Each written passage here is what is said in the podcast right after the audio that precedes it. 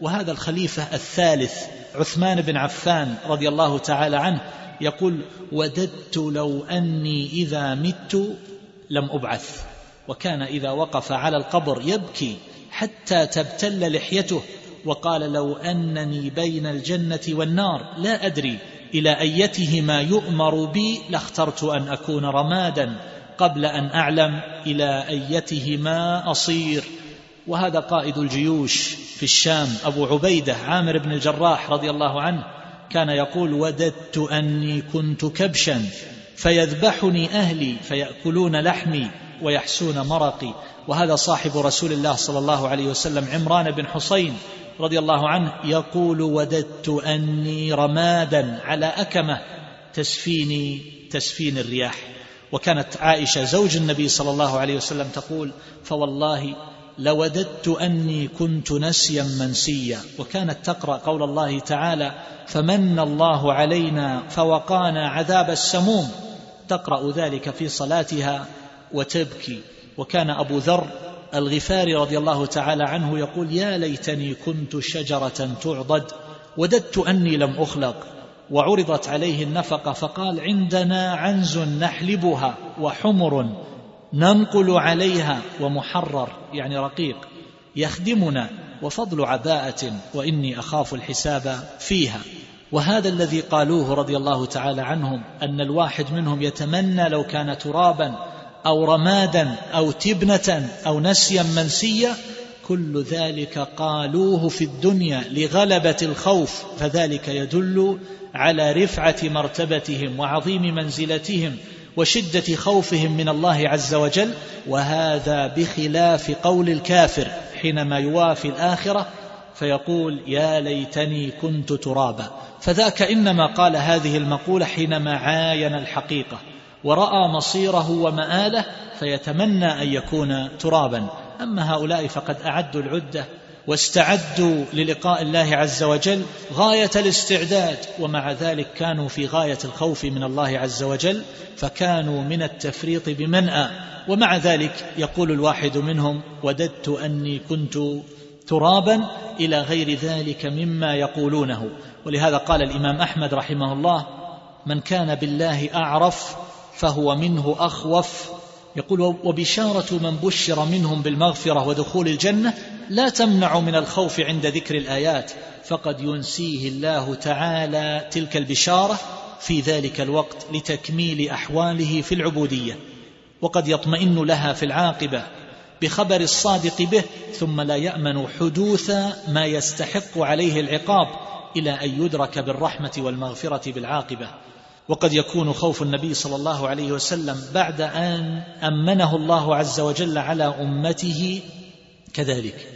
هذا نقله البيهقي في الجامع لشعب الإيمان وقد ذكر الشيخ تقي الدين بن تيمية رحمه الله في كتاب المنهاج منهاج السنة كلاما يشبه ذلك وخلاصته هو أن الكافر إنما يقول ذلك عند الموافاة حينما يعاين الحقيقة بخلاف هؤلاء. فالكفار يقولون يقول الله عز وجل عنهم ونادوا يا مالك ليقضي علينا ربك وذلك أن الله عز وجل قد أخبر عنهم كما في قوله ولو أن للذين ظلموا ما في الأرض جميعا ومثله معه لافتدوا به من سوء العذاب يوم القيامة وبدا لهم من الله ما لم يكونوا يحتسبون.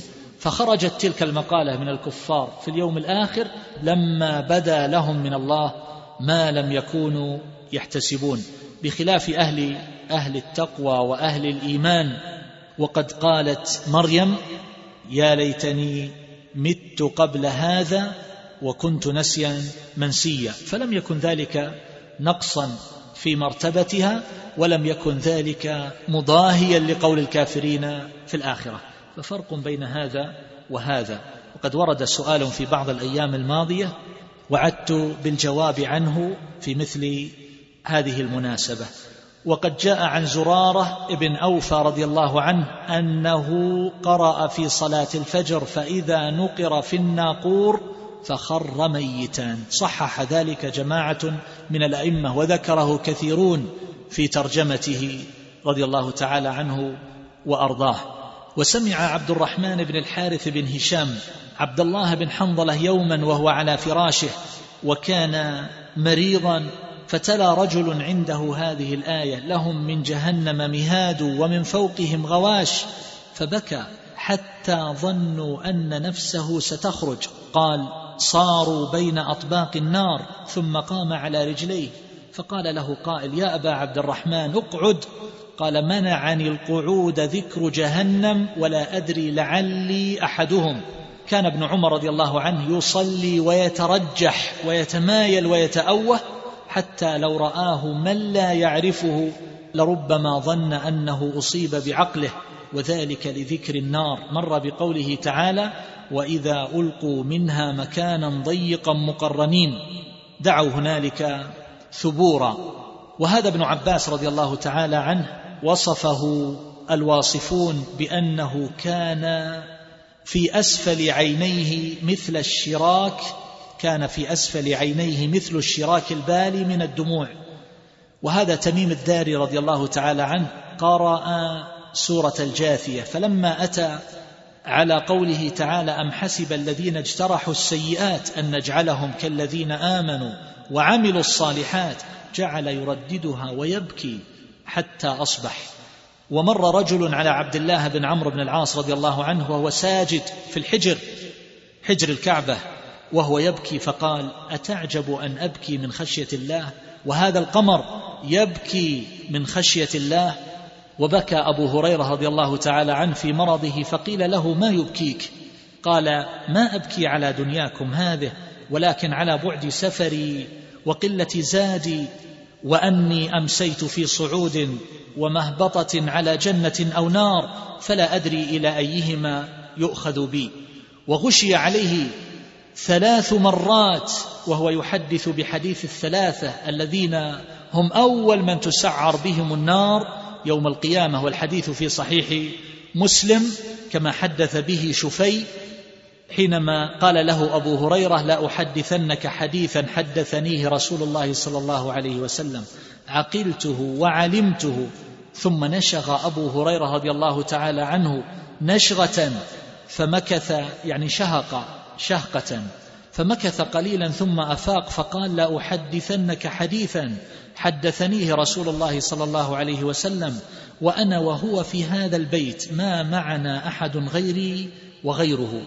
ثم نشغ أبو هريرة رضي الله عنه نشغة أخرى فسكت بذلك ثم أفاق ومسح وجهه فقال أفعل لأحدثنك بحديث حدثنيه رسول الله صلى الله عليه وسلم وأنا وهو في هذا البيت ما معنا أحد غيري وغيره.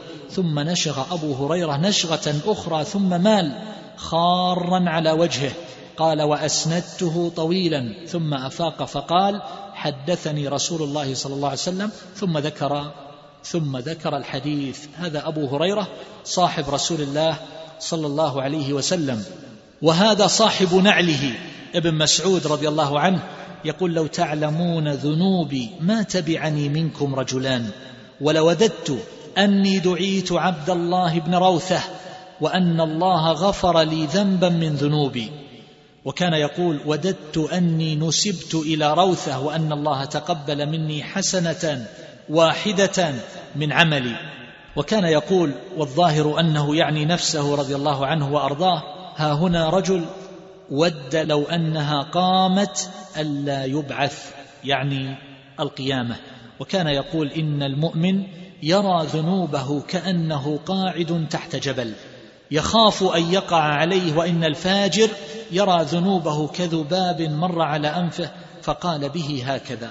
وهذا أبو الدرداء رضي الله تعالى عنه كان يقول إنما أخاف أن يكون أول ما يسألني عنه ربي أن يقول قد عملت فما عملت فيما علمت. وكان يقول لو تعلمون ما أنتم لاقون بعد الموت لما أكلتم طعاما على شهوة ولا شربتم شرابا على شهوة ولا دخلتم بيتا تستظلون فيه ولا خرجتم إلى الصعودات يعني الطرقات تضربون صدوركم وتبكون على أنفسكم. ولوددت أني شجرة تعضد ثم تؤكل. وكان يقول رضي الله تعالى عنه كان يصلي في منزله بحمص فلما جلس يتشهد جعل يتعوذ من النفاق. فقال له قائل غفر الله لك يا أبا الدرداء ما أنت وما النفاق؟ فقال اللهم غفرا اللهم غفرا اللهم غفرا. من يأمن البلاء؟ من يأمن البلاء؟ والله إن الرجل ليفتتن في ساعة فينقلب عن دينه. مع ما هم صحبوا رسول الله صلى الله عليه وسلم وكانوا في غاية العلم والتقوى والورع والخوف من الله عز وجل ويخافوا من النفاق. وقد قال الإمام البخاري رحمه الله في صحيحه باب خوف خوف المؤمن أن يحبط عمله وهو لا يشعر. قال وقال إبراهيم التيمي ما عرضت قولي على عملي إلا خشيت أن أكون مكذبا. قال ابن أبي مليكة أدركت ثلاثين من أصحاب رسول الله صلى الله عليه وسلم. كلهم يخاف النفاق على نفسه. ما منهم أحد يقول إنه على إيمان جبريل وميكائيل. ويذكر عن الحسن ما خافه يعني النفاق إلا مؤمن وما أمنه إلا منافق.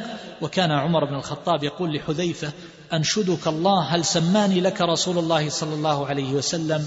يعني في المنافقين. فيقول لا ولا أزكي بعدك أحدا. وفقد النبي صلى الله عليه وسلم ثابت بن قيس بن شماس رضي الله عنه.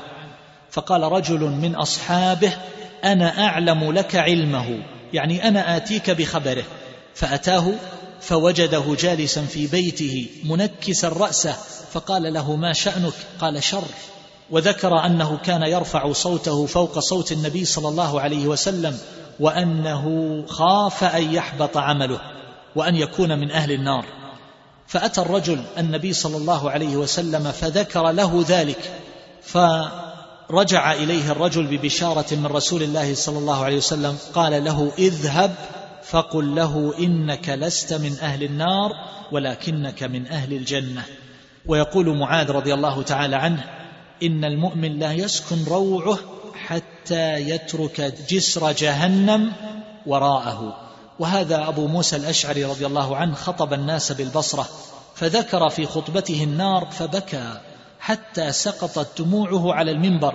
قال وبكى الناس يومئذ بكاء شديدا. وهذا شداد ابن أوس رضي الله عنه كان يتقلب على فراشه كأنه قمحة في مقلاة وضعت على النار. وكان يقول اللهم إن النار قد أذهبت مني النوم فيقوم ويصلي حتى يصبح. وكان أنس بن مالك رضي الله عنه يقول لبعض أبنائه إياكم والسفلة. والسفلة وهم الأراذل من الناس. قالوا وما السفلة؟ قال الذي لا يخاف الله الذي لا يخاف الله عز وجل. هذا طرف من أخبار أصحاب النبي صلى الله عليه وسلم مع ما هم فيه من العمل والخوف من الله جل جلاله. فنسأل الله عز وجل ألا يمقتنا أيها الإخوان. نسأل الله ألا يمقتنا أما ما جاء من خبر التابعين رضي الله تعالى عنهم وأرضاهم فهذا عمر بن عبد العزيز رحمه الله. وصفه الوليد بن السائب بقوله ما رأيت أحدا قط كان الخوف على وجهه أبين منه على عمر بن عبد العزيز. وكانت تسأله زوجته فيقول إني أخاف إن عصيت ربي عذاب يوم عظيم. يبكي. فتسأله زوجته عن بكائه فيقول إني أخاف إن عصيت ربي عذاب يوم عظيم. فتبكي زوجته فاطمة وتقول اللهم أعذه من عذاب النار. وكانت تقول في صفته ما رأيت أشد فرقا من ربه منه. كان إذا صلى العشاء قعد في مسجده. ثم يرفع يديه فلم يزل يبكي حتى تغلبه عينه ثم ينتبه فلا يزال يدعو رافعا يديه يبكي حتى تغلبه عينه يفعل ذلك ليله. أجمع. وبكى مرة فبكت زوجته فاطمة وبكى أهل الدار لا يدري هؤلاء ما أبكى هؤلاء. فلما تجلى عنهم العبر قالت له فاطمة بأبي أنت يا أمير المؤمنين مما بكيت؟ قال ذكرت يا فاطمة منصرف القوم بين يدي الله عز وجل. فريق في الجنة وفريق في السعير. تقول فاطمة قد يكون من الرجال من هو أكثر صلاة وصياما من عمر بن عبد العزيز ولكني لم أر من الناس أحدا قط كان أشد خوفا من ربه من عمر. كان إذا دخل البيت ألقى نفسه في مسجده فلا يزال يبكي ويدعو حتى تغلبه عيناه ثم يستيقظ فيفعل مثل ذلك ليلته أجمع. وكان يقرأ مرة قوله تبارك وتعالى وإذا ألقوا منها مكانا ضيقا مقرنين دعوا هنالك ثبورا. فبكى حتى غلبه البكاء وعلى نشيجه فقام من مجلسه ودخل بيته وتفرق الناس. ودخل عليه النضر ابن العربي فوجده ينتفض كأن عليه حزن الخلق أجمعين وكان يجمع كل ليلة الفقهاء فيتذاكرون الموت والقيامة والآخرة ويبكون. وقد شهده إبراهيم بن عبيد بن رفاعة وهو جالس مع محمد بن قيس يحدثه يقول إبراهيم فرأيت عمر يبكي حتى اختلفت أضلاعه وجيء له يوما بسلق وأقراص فأكل ثم اضطجع على فراشه وغطى وجهه بطرف ردائه وجعل يبكي ويقول عبد بطيء بطين يتباطأ ويتمنى على الله منازل الصالحين. فماذا نقول نحن أيها الإخوان؟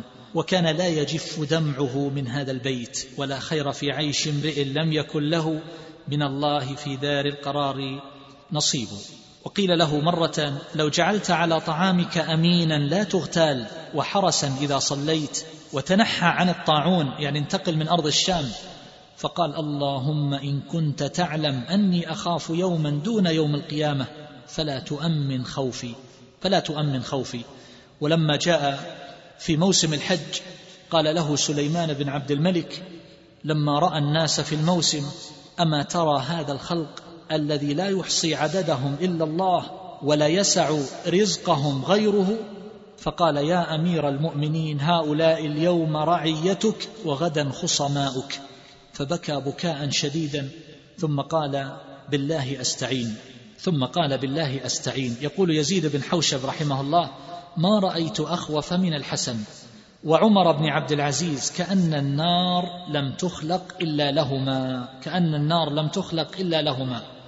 وبكى الحسن فقيل له ما يبكيك؟ قال أخاف أن يطرحني ربي غدا في النار ولا يبالي. وأتي بكوز من ماء ليفطر عليه فلما أدناه إلى فيه بكى وقال ذكرت أمنية أهل النار قولهم أن أفيضوا علينا من الماء وذكرت ما أجيب إن الله حرمهما على الكافرين. وكان يقول إن المؤمنين قوم ذلت والله منهم الأسماع والأبصار والأبدان حتى حسبهم الجاهل مرضى وهم والله أصحاب القلوب. ألا تراه يقول وقالوا الحمد لله الذي أذهب عنا الحزن والله لقد كابدوا في الدنيا حزنا شديدا. وجرى عليهم ما جرى على من كان قبلهم والله ما أحزنهم ما أحزن الناس ولكن أبكاهم وأحزنهم الخوف الخوف من النار الخوف من النار. وكان يقول المؤمن من علم أن ما قال الله كما قال والمؤمن أحسن الناس عملا وأشد الناس وجلا فلو أنفق جبلا من مال ما أمن دون أن يعاين. ولا يزداد صلاحا وبرا إلا ازداد فرقا. والمؤمن يقول سواد الناس كثير وسيغفر لي ولا بأس علي فيسيء العمل ويتمنى على الله. وقد عوتب رحمه الله في شدة حزنه وخوفه فقال مجيبا ما يؤمنني أن يكون الله تعالى قد اطلع في على بعض ما يكره فمقتني. فقال اذهب فلا غفرت لك فأنا أعمل في غير معتمل. يقول يونس بن عبيد ما رأيت احدا أطول حزنا من الحسن. كان يقول نضحك ولعل الله قد اطلع على أعمالنا فقال لا أقبل منكم شيئا. وكان يقول إن المؤمن يصبح حزينا ويمسي حزينا ولا يسعه غير ذلك لأنه بين مخافتين بين ذنب قد مضى لا يدري ما الله يصنع فيه وبين أجل قد بقي لا يدري ما يصيب فيه من المهالك. ويقول إن المؤمن يصبح حزينا ويمسي حزينا وينقلب باليقين من الحزن ويكفيه ما يكفي العنيزة الكف من التمر والشربة من الماء. وكان يقول من علم أن الموت مورده وأن القيامة موعده والوقوف بين يدي الله تعالى مشهده فحقه أن يطول في الدنيا حزنه. قال له رجل يا أبا سعيد كيف أصبحت؟ قال بخير. قال كيف حالك؟ فتبسم وقال تسألني عن حالي؟ ما ظنك بناس ركبوا سفينة حتى توسطوا البحر فانكسرت سفينتهم فتعلق كل إنسان منهم بخشبة؟ على أي حال يكون؟ قال الرجل على حالة شديدة. قال الحسن حالي أشد من حالهم حالي أشد من حالهم. وكان يقول والله ما مضى مؤمن ولا بقي إلا وهو يخاف النفاق وما أمنه وما أمنه إلا منافق. ويقول إن الرجل ليتعلق بالرجل يوم القيامة فيقول بيني وبينك الله فيقول والله ما أعرفك فيقول أنت أخذت طينة من بستاني. وآخر يقول أنت أخذت خيطا من ثوبي فهذا وأمثاله قطع قلوب الخائفين.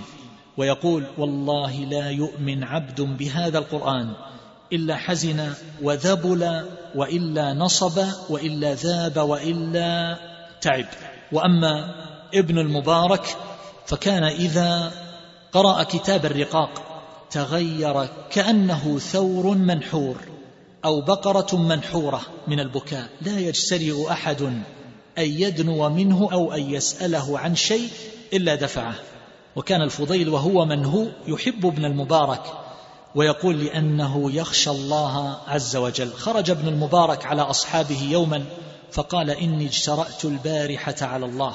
سألته سألته الجنة سألته الجنة. وكان يتقلب على فراشه من الغم ويقول من يصبر على أخذ الله إن أخذه أليم شديد. ويقول من أعظم المصائب للرجل أن يعلم من نفسه تقصيرا ثم لا يبالي ولا يحزن ولا يحزن عليه. ويقول إن البصراء لا يأمنون من أربع خصال. ذنب قد مضى لا يدري ما يصنع الرب فيه وعمر قد بقي لا يدري ماذا فيه من الهلكات وفضل قد بقي لعلة واستدراج وضلالة قد زينت له فيراها هدى. ومن زيغ القلب ساعة ساعة أسرع من طرف أسرع من طرفة عين قد يسلب دينه وهو وهو لا يشعر وهو لا يشعر. وتعجب بعض من عرفه كيف بلغ ما بلغ. فلما كانوا في بعض الطريق انطفأ انطفأ عليهم السراج وهم يتعشون. فخرج رجل منهم يستصبح يبحث عن شيء يوقد به السراج. يقول فمكث هنيهة ثم جاء بالسراج فنظرت إلى وجه ابن المبارك ولحيته قد ابتلت من الدموع. يقول هذا فقلت في نفسي بهذه الخشية فضل هذا الرجل علينا ولعله حين فقد السراج فصار إلى الظلمة ذكر القبر أو القيامة. وهذا طاووس بن كيسان رحمه الله كان يفرش له الفراش. فيضطجع ويتقلى كما تتقلى الحبة في المقلاة ثم يثب ويستقبل القبلة ويصلي حتى الصباح ويقول طير ذكر جهنم نوم الخائفين. ومر برواس أي برجل برجل يطبخ الرؤوس.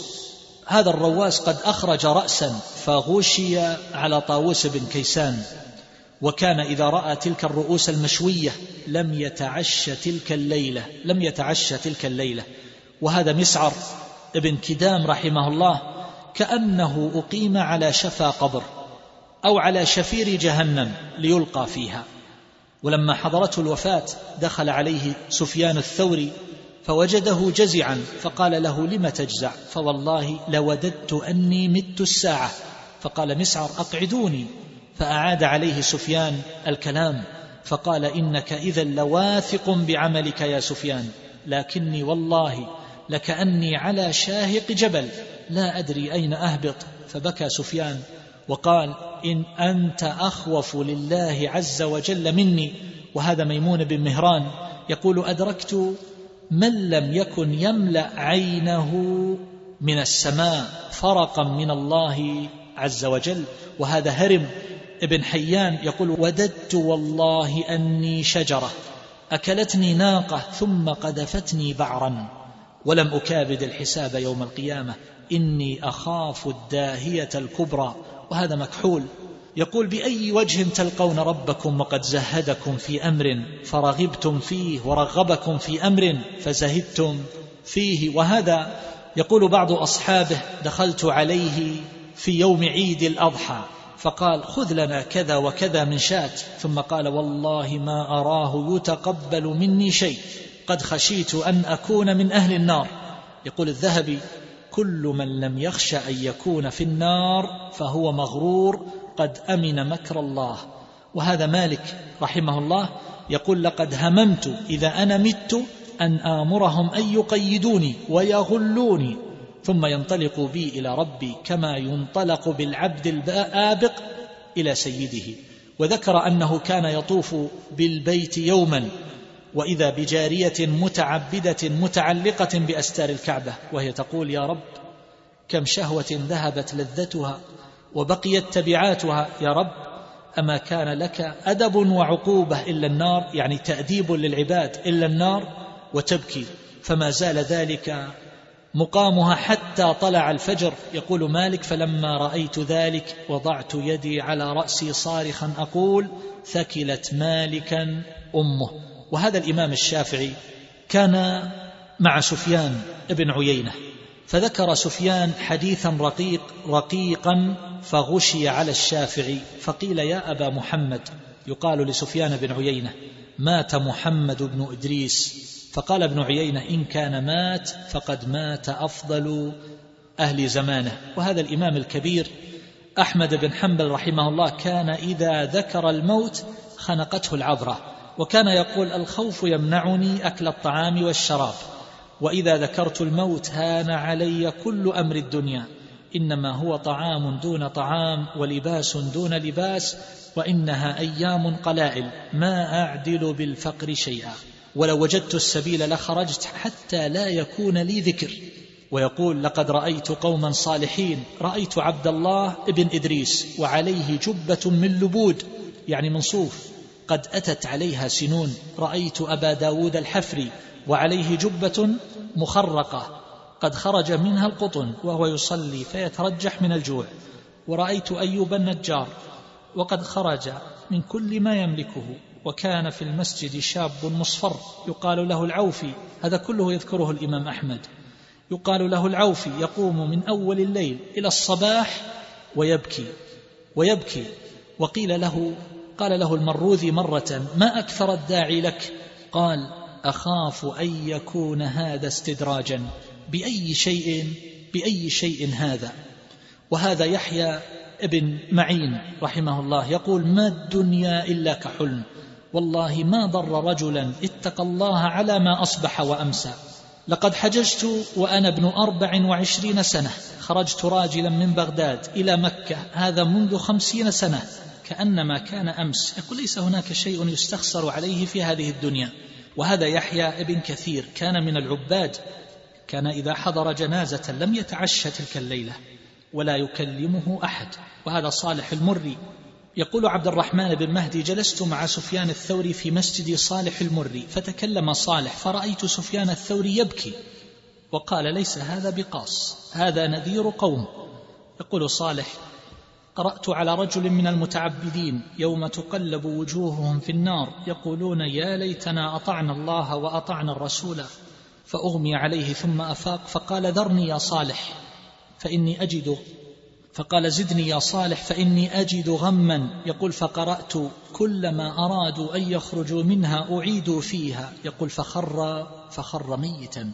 وهذا يحيى البكاء. قرئ عنده ولو ترى إذ وقفوا على ربهم. فبكى. ثم مرض. مدة مدة من الزمن. وهذا الحسن بن صالح بن حي رحمه الله. قيل له صف لنا غسل صف لنا غسل الميت. فما قدر عليه من البكاء وخرج مرة فنظر إلى جراد يطير فقال يخرجون من الأجداث كأنهم جراد منتشر ثم خر مغشيا عليه وقرئ عليه من القرآن حتى بلغ القارئ قوله تعالى فلا تعجل عليهم فسقط يخور كما يخور الثور فرفع ومسح وجهه ورش عليه ورش عليه الماء. وهذا حماد بن عبد ربه كان إذا جلس جلس مستوفزا على قدميه فيقال له لو اطمأننت. فيقول تلك جلسة الآمن وأنا غير آمن. إذ عصيت الله تعالى. وهذا حسان بن أبي سنان رحمه الله. وصفه حماد بن زيد يقول كنت إذا رأيت حسان بن أبي سنان كأنه أبدا مريض كأنه أبدا مريض. فذكر ذلك لمخلد بن حسين فقال هكذا كان إذا رأيته كأنه أبدا ناقة. وهذا محمد بن سوقة يقول إن المؤمن الذي يخاف الله لا يسمن ولا يزداد لونه إلا تغيرا. وكان عون يحدث أصحابه ولحيته ترتش بالدموع.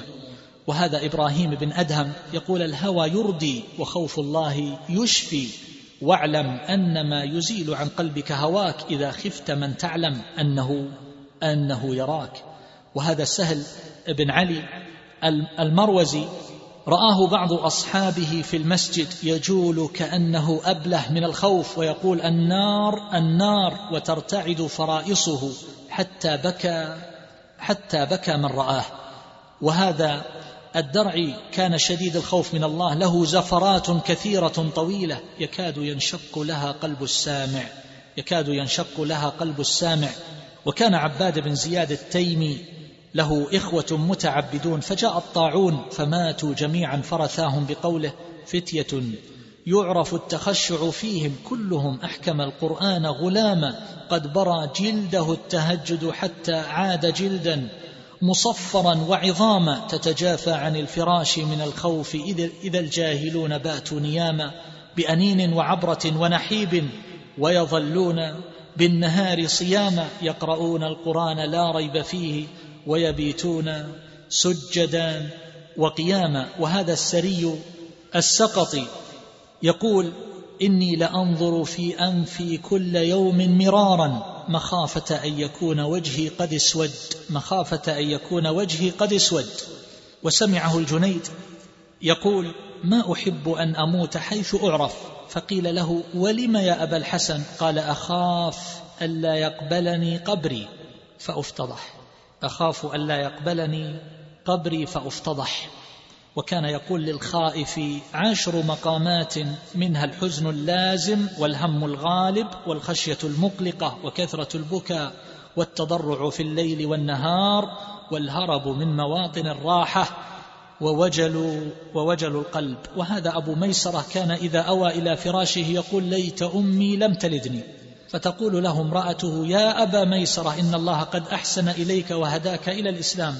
قال أجل ولكن الله قد بين لنا أن وارد النار ولم يبين لنا أن صادرون منها. وهذه معاذة العدوية لما زفت إلى زوجها صلة ابن أشيم أدخله ابن أخيه الحمام يعني المكان الحار الذي كانوا يتنظفون به ثم أدخله بيتا مطيبا فقام يصلي حتى أصبح.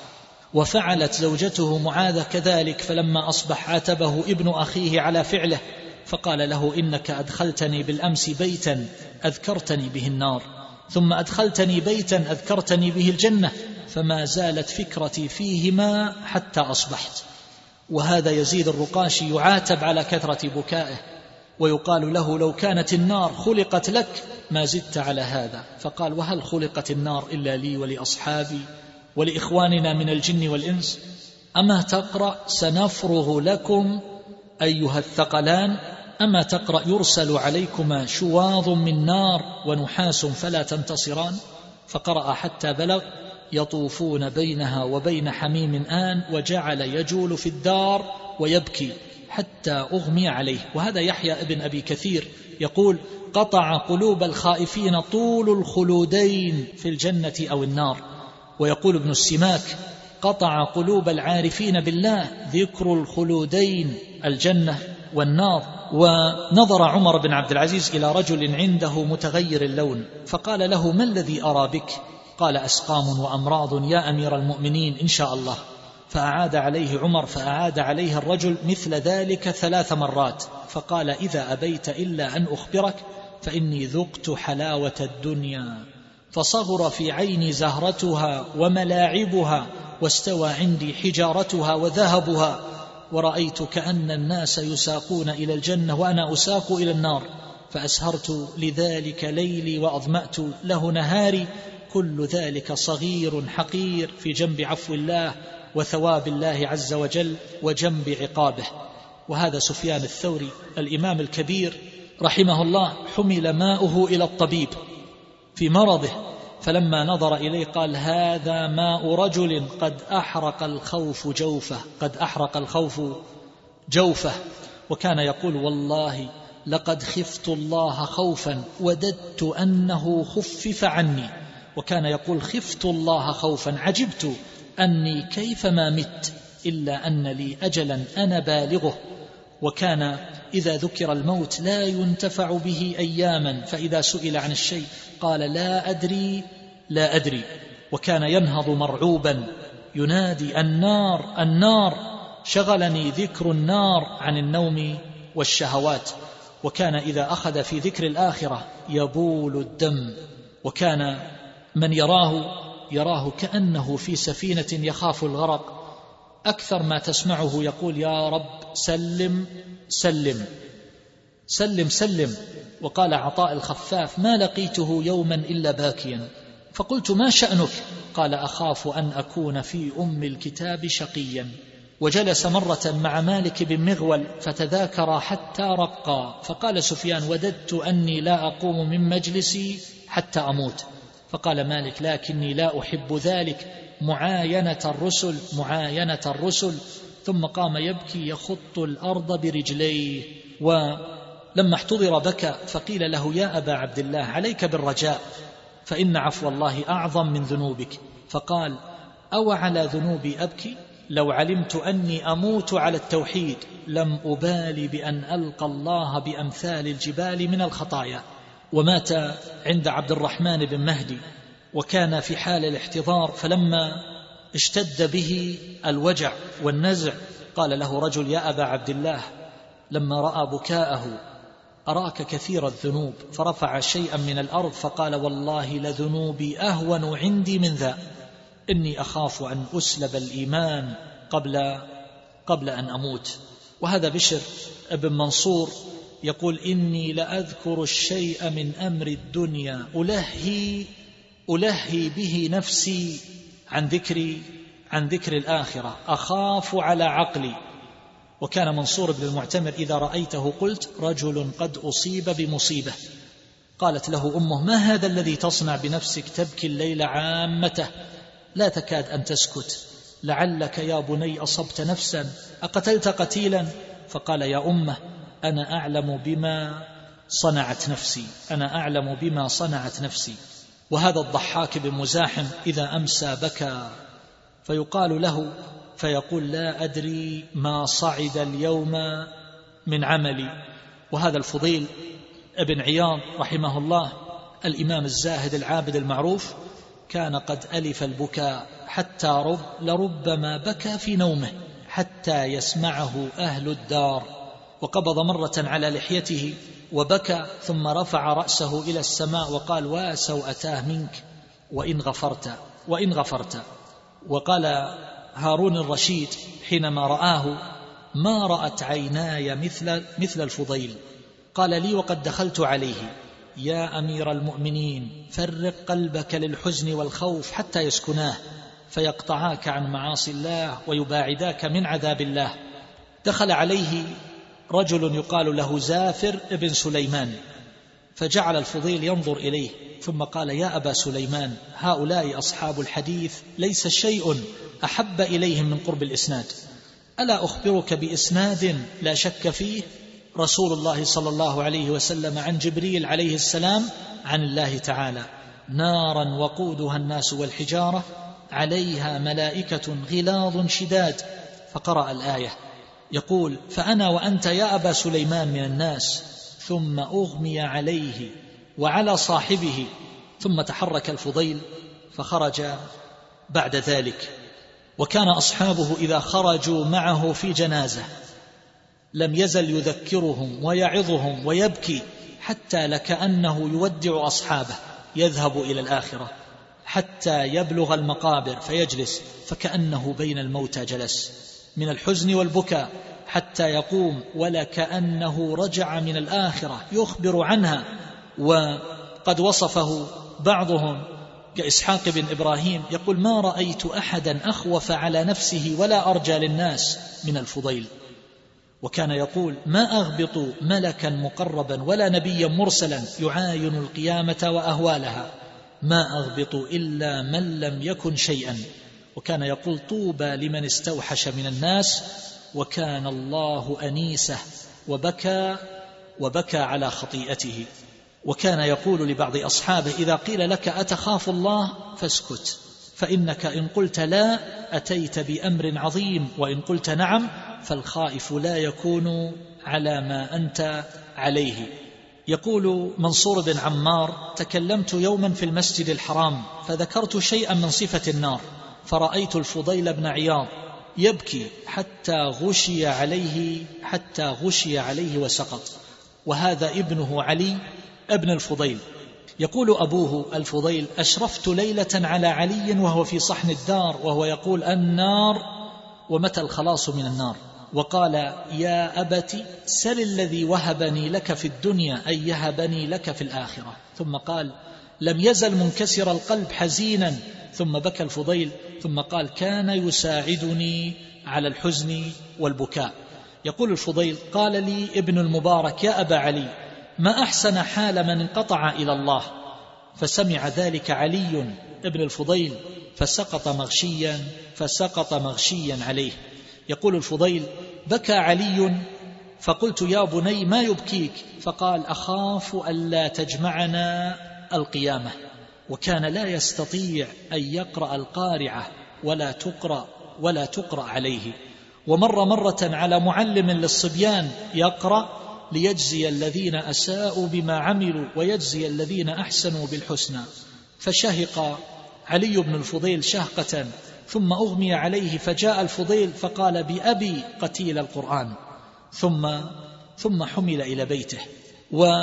ويقول أبو بكر بن عياش صليت خلف فضيل بن عياض صلاة المغرب وإلى جانبي علي ابنه فقرأ الفضيل ألهاكم التكاثر فلما بلغ لترون الجحيم سقط علي مغشيا عليه وبقي الفضيل لا يقدر يجاوز الآية ثم صلى صلاة خائف ثم قال يقول هذا أبو بكر بن عياش ثم رابطت عليا فما أفاق إلا في نصف الليل.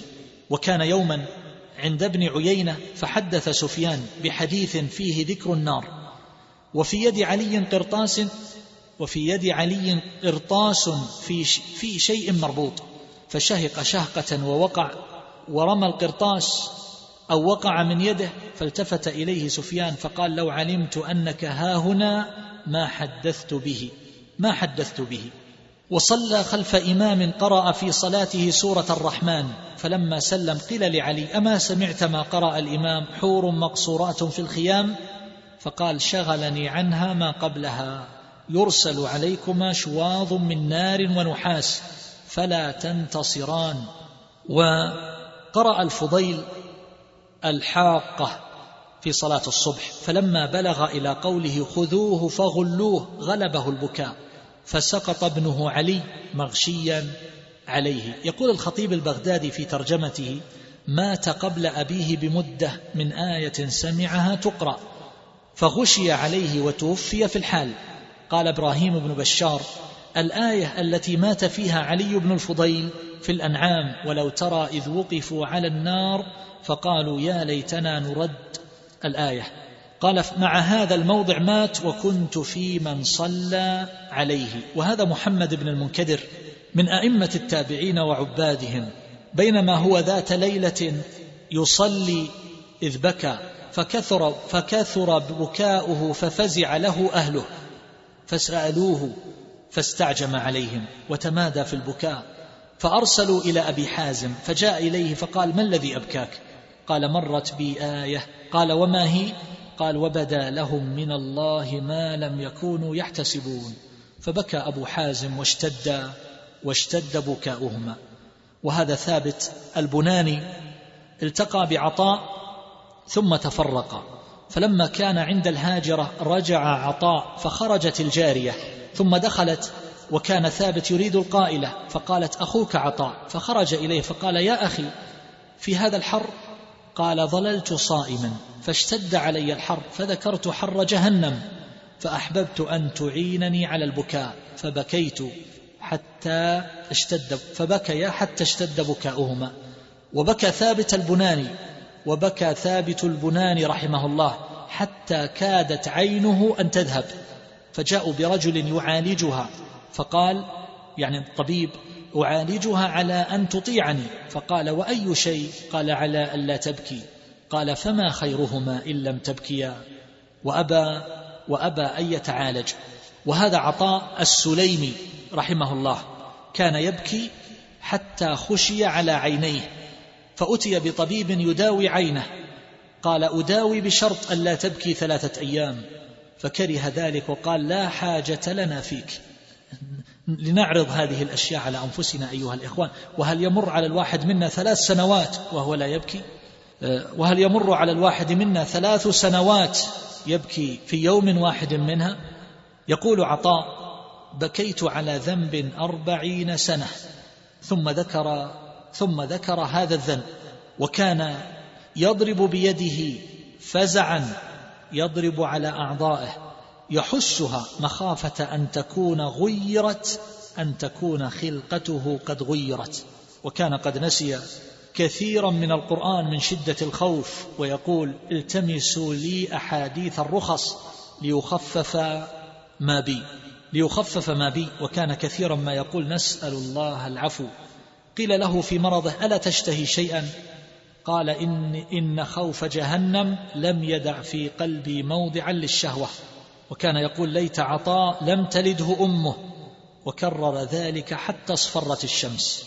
وقال له صالح المري يا شيخ قد خدعك إبليس فلو شربت ما تقوى به على صلاتك ووضوئك. يقول فأعطاني ثلاثة دراهم. وقال تعاهدني كل يوم بشربة سويق. فشرب يومين وترك. وقال يا صالح إذا ذكرت جهنم ما يسعني طعام ولا شراب. وبكى رحمه الله حتى عمش وربما غشي عليه عند عند الموعظة. وقيل له ما هذا الحزن؟ قال للسائل ويحك الموت في عنقي والقبر بيتي وفي القيامة موقفي وعلى جسر جهنم طريقي لا أدري ما يصنع لا أدري ما يصنع بي. دخل عليه العلاء بن محمد فرآه في حال من البكاء فقال لامرأته ما شأنه؟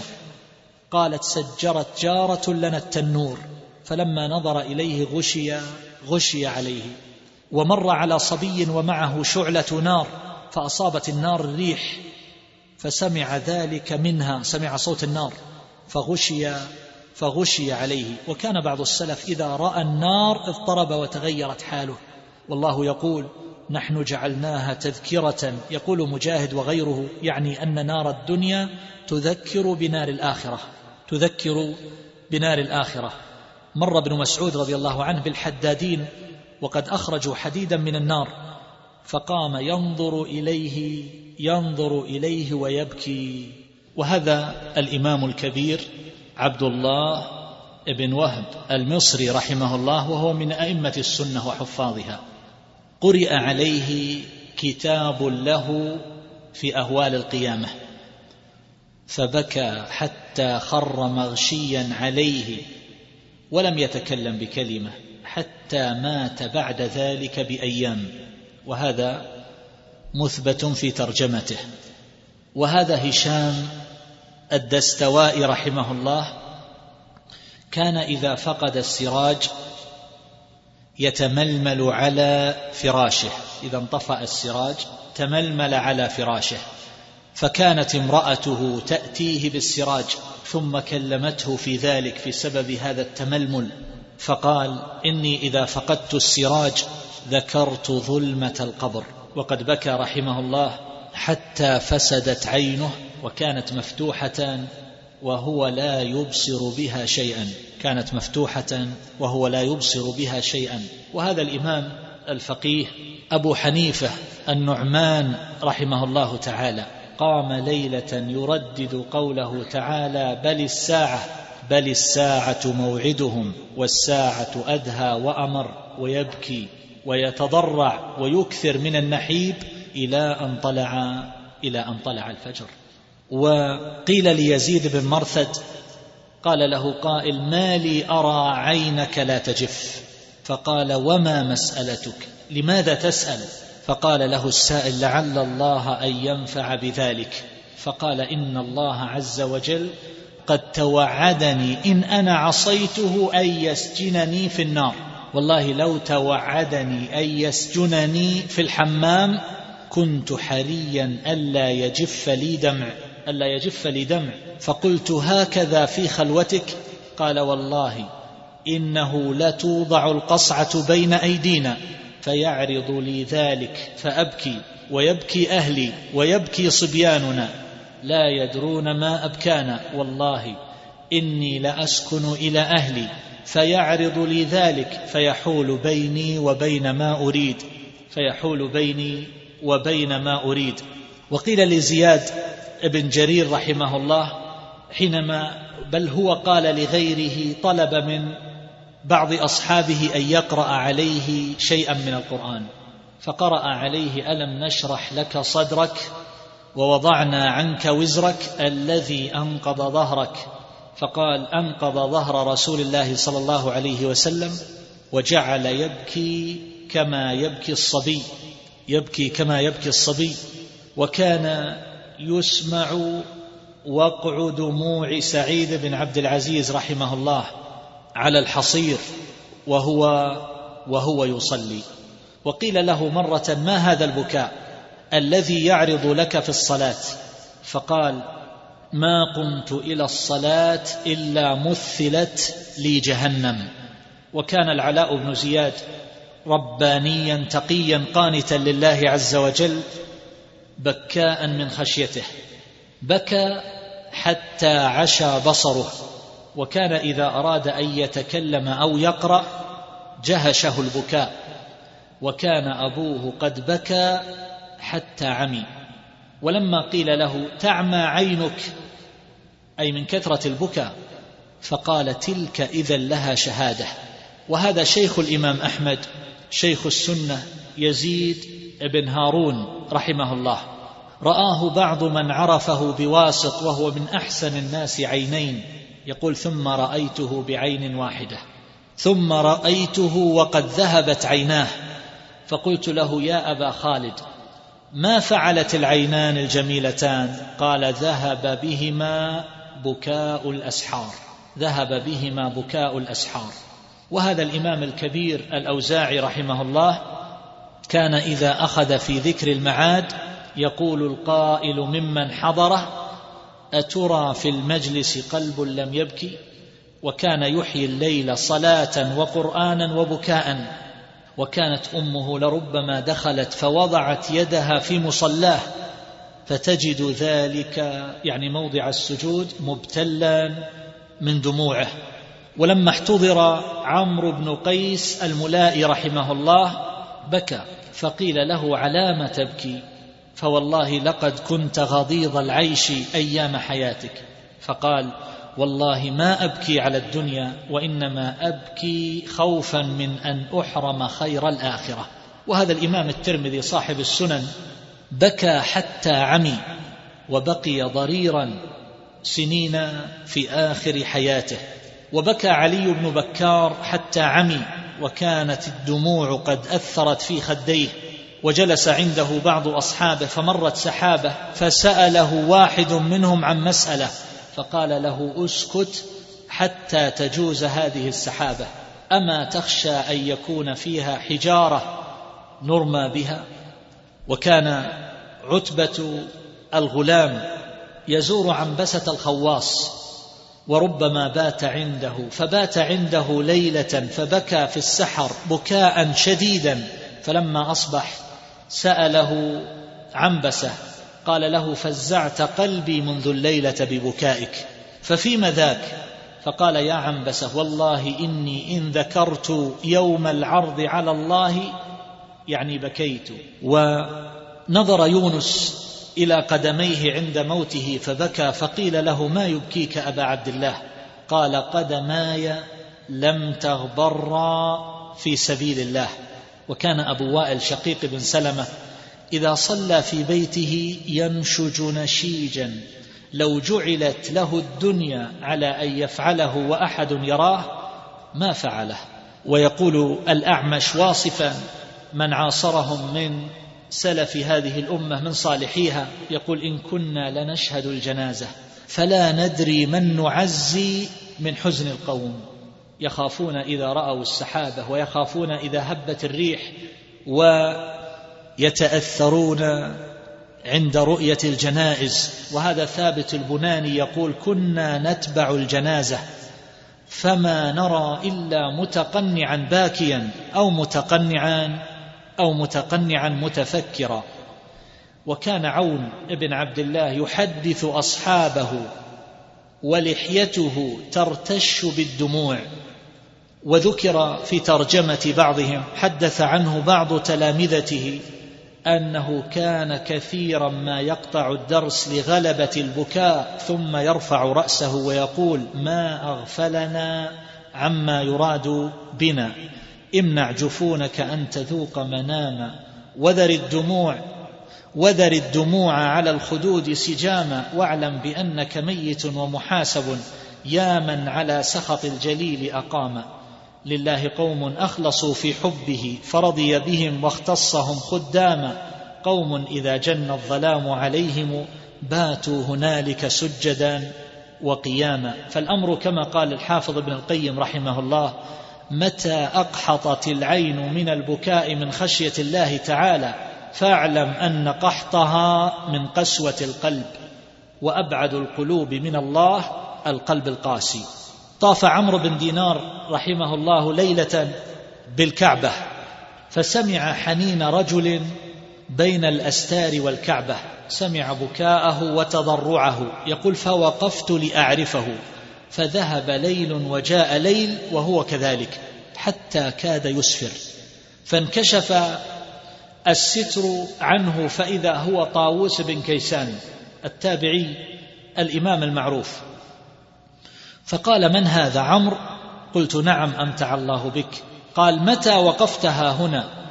قال قلت منذ وقت طويل. قال ما أوقفك؟ قلت سمعت بكاءك. قال أعجبك بكائي؟ قلت نعم. قال وطلع القمر في حرف أبي قبيس يعني جبل أبي قبيس. فقال طاووس وربي هذه البنية يعني الكعبة. إن هذا القمر ليبكي من خشية الله ولا ذنب له ولا يسأل عما عمل ولا يجازى. لا يسأل عما عمل ولا يجازى به. فعجبت أن بكيت من خشية الله وأنا صاحب الذنوب وهذا القمر يبكي من خشية الله تبارك وتعالى. وهذا سعيد بن جبير رحمه الله بات يردد آية في الصلاة بضعا وعشرين مرة واتقوا يوما ترجعون فيه إلى الله. وشرب مرة شربة من عسل من قدح ثم قال والله لأسألن عنه. فقيل له لما قال شربته وأنا أستلذه. يقول جعفر بن سليمان عدت هارون ابن رئاب وهو يجود بنفسه. فما فقدت وجه رجل فاضل إلا رأيته عنده. فقال محمد بن واسع وكان ممن حضر كيف تجدك؟ قال هو ذا أخوكم يذهب به إلى النار أو يعفو الله أو يعفو الله. مع عظيم العبادة وكثرة الاجتهاد ومع ذلك يبكي عند موته خوفا خوفا من ذلك. وهذا محمد بن واسع يقول يا إخوتاه أتدرون أين يذهب بي؟ يذهب بي والله الذي لا إله إلا هو إلى النار. أو يعفو الله أو يعفو الله عني. وكان علي بن الحسين زين العابدين إذا توضأ اصفر لونه. فيسأل ما هذا الذي يعتادك عند الوضوء؟ فيقول أتدرون بين يدي من أريد أن أقوم؟ يصفر لونه عند الوضوء فكيف به في حال الصلاة؟ ووقع حريق في بيته مرة وهو ساجد فجعلوا ينادونه يا ابن رسول الله النار! فما رفع رأسه حتى أطفئت فقيل له ما الذي ألهاك عنها؟ فقال النار الأخرى النار الأخرى. فالأمر عندهم كما قال أويس القرني رحمه الله كن في أمر الله كأنك قتلت الناس كلهم.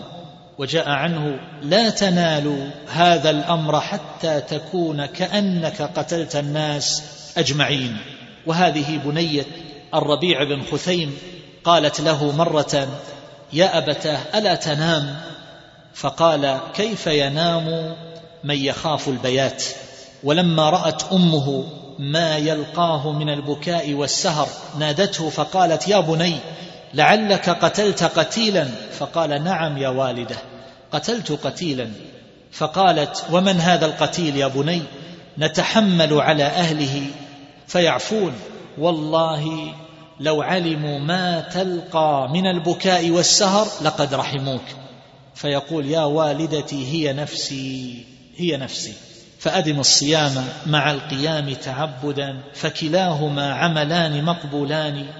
قم في الدجى واتلو واتلو كتاب الله ولا تنم إلا كنومة حائر والهان.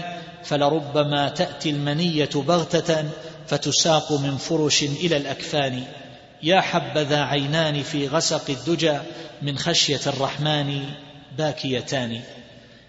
قالت أم محمد بن كعب القرظي يا بني لولا أني أعرفك طيبا صغيرا وكبيرا لقلت إنك أذنبت ذنبا موبقا. لما أراك تصنع بنفسك؟ فقال يا أماه وما يؤمنني أن يكون الله قد اطلع علي وأنا في بعض ذنوبي فمقتني. وقال اذهب لا أغفر لك. قيل لعبد العزيز بن أبي رواد رحمه الله ما أفضل العبادة؟ قال طول الحزن في الليل والنهار. وفي هذا يقول شقيق البلخي ليس للعبد صاحب خيرا من الهم والخوف. هم فيما مضى من ذنوبه وخوف فيما لا يدري ما ينزل به. ولإبراهيم التيمي كلمة شهيرة في هذا حيث يقول ينبغي لمن لم يحزن أن يكون أن يخاف أن يكون من أهل النار لأن أهل الجنة قالوا الحمد لله الذي أذهب عنا الحزن وينبغي لمن لم يشفق أن يخاف الا يكون من أهل الجنة لأنهم قالوا إنا كنا قبل في أهلنا مشفقين إنا كنا قبل في أهلنا مشفقين. يقول مالك بن دينار الحزن تلقيح العمل الصالح. ولولا أن يقول الناس جن مالك للبست المسوح يعني الصوف. ووضعت الرماد على رأسي أنادي في الناس من رآني فلا يعصي ربه. لو استطعت ألا أنام لم أنم مخافة أن ينزل العذاب وأنا نائم. ولو وجدت أعوانا لفرقتهم ينادون في سائر الدنيا كلها. أيها الناس النار النار. قال له رجل رأيت كأن مناديا ينادي الرحيل الرحيل. فما ارتحل إلا محمد بن واسع. فبكى مالك وخر مغشيا عليه. كان يتوضأ بعد العشاء الآخرة. ثم يقوم إلى الصلاة فتارة يفني ليله في تكرار آية أو آيتين. فإذا سجد وحان انصرافه من صلاته قبض على لحيته وخنقته العبرة وجعل يقول يا إلهي ويا مالك رقي ويا صاحب نجواي ويا سامع شكواي حرم شيبة مالك على النار ثم يناجي هكذا إلى أن يطلع الفجر. ويقول بعض التابعين كنت إذا وجدت من قلبي قسوة نظرت إلى وجه محمد بن واسع نظرة وكنت إذا رأيت وجه محمد بن واسع حسبت أن وجهه وجه ثكلى. يقول مطرف ابن عبد الله الشخير رحمه الله لو أتاني آت من ربه فخيرني بين أن يخبرني أفي الجنة؟ أنا أم في النار؟ وبين أن أصير ترابا لاخترت أن أصير ترابا. هذا الذي يقول لقد كاد خوف النار أن يحول بيني وبين أن أسأل ربي الجنة. إذا ما الليل أظلم كابدوه فيسفر عنهم وهم ركوع. أطار الخوف نومهم فقاموا وأهل الأمن في الدنيا هجوع. وقد وصفهم ابن المبارك رحمه الله بقوله وما فرشهم إلا أيامن أزرهم وما وسدهم إلا ملاء وأذرع وما ليلهم فيهن إلا تخوف وما نومهم إلا عشاش مروع وألوانهم صفر كأن وجوههم عليها جساد هي بالورس مشبع نواحل قد أزرى بها الجهد والسرى إلى الله في الظلماء والناس هجع ويبكون أحيانا كأن عجيجهم إذا نوم الناس الحنين المرجع ومجلس ذكر فيهم قد شهدته وأعينهم من رهبة الله تدمع. هذه بعض أخبار سلفنا الصالح رضي الله تعالى عنهم. في خوفهم من الله عز وجل مع شدة مع شدة اجتهادهم في العمل. فأين نحن؟ أين نحن أيها الإخوان من هؤلاء؟ فينبغي أن يعرض العاقل نفسه على حالهم وأن ينظر في تقصيره. لعله أن يستدرك بعض ذلك التقصير وأن يصل إلى شيء من حالهم إن لم يبلغ إن لم يبلغ تلك الحال. أما القسوة المستديمة والغفلة التامة التي نعيشها أيها الإخوان ونزعم أننا على الصراط المستقيم وأننا على الجادة وأننا على طريقهم. سالكون فإن هذا أمر يحتاج إلى إعادة نظر وإلى مراجعة فإن اتباعهم ليس بمجرد الدعاية والدعاوى العريضة إنما يكون اتباعهم بالاقتداء بهم حقيقة في القول والاعتقاد والعمل والأخلاق والسلوك. هكذا ينبغي أن يكون الإنسان. أما أن يمر على العبد السنة والسنتان والثلاث والأربع وهو لم تدمع له عين ولم يرق له قلب وإن بكى فإنما يبكي على سبيل الموافقة فهذا أمر لا شك أنه لا شك أنه يستدعي النظر ويستدعي من العبد توبة نصوحا بل يتطلب بكاء على هذا القلب القاسي والعين التي جفت من قسوة هذا القلب. أشغلنا فضول الكلام والقيل والقال والوقيعة في أعراض الناس وأشغلنا كثرة الأكل فنحن شبعا في ليلنا ونهارنا فمن أين لنا بالخشوع؟ ومن أين لنا برقة القلب؟ ونحن سادرون في غفلة كبيرة نكثر النوم مع كثرة المخالطة مع كثرة النظر ومعافسة المباحات على وجه من التوسع. في ذلك بل لربما وقعنا في شيء من المعاصي والذنوب. فيكون ذلك غلفة على القلب ورانا عليه فمن أين لنا أيها الإخوان؟ أن ترق قلوبنا وأن تخشع لذكر الله تبارك وتعالى والله عز وجل يقول ألم يأن للذين آمنوا أن تخشع قلوبهم لذكر الله وما نزل من الحق؟ هذا ما يتعلق بموضوع الخوف. هذا طرف من أخبارهم في خوفهم من الله عز وجل وخشيتهم منه. نسأل الله عز وجل أن يلطف بنا وأن يرحم ضعفنا وأن يصلح قلوبنا وأحوالنا وأعمالنا وألا يمقتنا أيها الإخوان. نسأل الله ألا يمقتنا نسأل الله ألا يمقتنا نسأل الله ألا يمقتنا